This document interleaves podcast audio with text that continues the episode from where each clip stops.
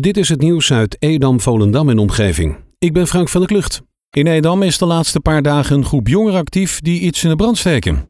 Hoewel het element van de daders ontbreekt, weten we in ieder geval dat ze niet van lezen houden, want tot tweemaal toe werden boeken uit het boekenhuisje op de vesting gehaald en in brand gestoken. Dit tot groot verdriet van omwonenden.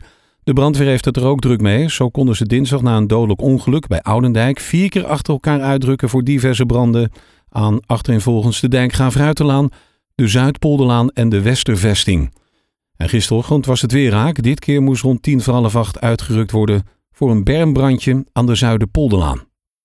Bewoners van de 53 aanleunwoningen van zorgcentrum De Mimin in Edam vrezen dat ze straks geen welzijnsfaciliteiten meer tot hun beschikking hebben als het gebouw vanaf volgend jaar juli leeg staat. Dat meldt het Noord-Hollands Dagblad vandaag.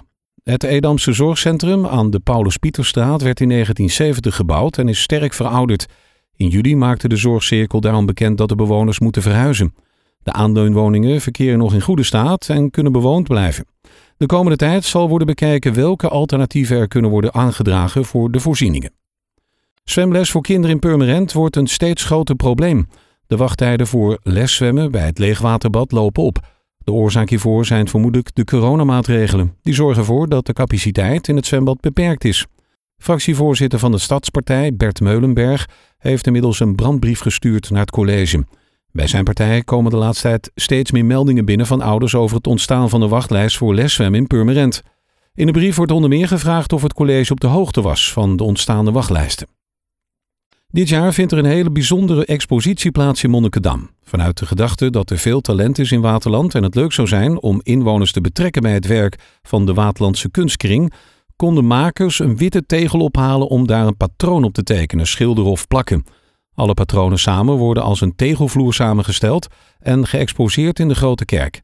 Zo'n 500 mensen hebben meegedaan aan dit gemeenschappelijke kunstwerk, waaronder alle leerlingen van basisschool Het Kofschip in Volendam. Burgemeester Don Bijl heeft maandag een drugspand aan de Weberstraat in Purmerend voor twee maanden gesloten. In het pand op industrieterrein Baanstee is een hennepkwekerij aangetroffen.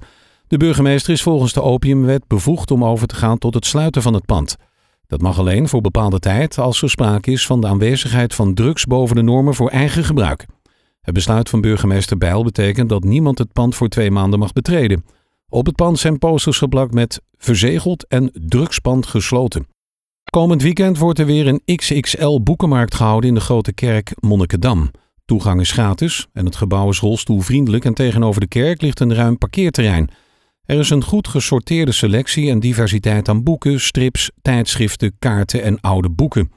Zaterdag is de boekenmarkt open van 10 tot 5 en zondag van 11 tot 4. De totale opbrengst gaat naar Stichting Vrienden van de Grote en Lutherse Kerk.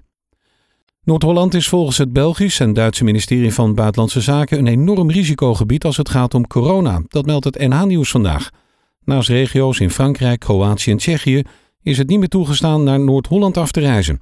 Dat valt te lezen op de website van het Belgische ministerie van Buitenlandse Zaken en die van Duitsland.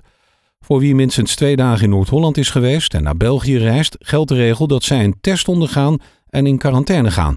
Ook in Duitsland moet je je laten testen. De maatregel gaat in Duitsland per direct in. Voor België is dat veilig. Woensdag 7 oktober buigt de Raad van State in Den Haag zich over de enige ingebrachte zienswijze van een inwoner over de plannen om 80 woningen te bouwen langs de Baandervesting in Edam. Waar de klankbordgroep uiteindelijk geen bezwaren meer hebben tegen de langlopende plannen, heeft één inwoner bezwaar aangetekend. Op korte termijn zullen op het toekomstige bouwterrein de resterende proefsleuven worden gegraven.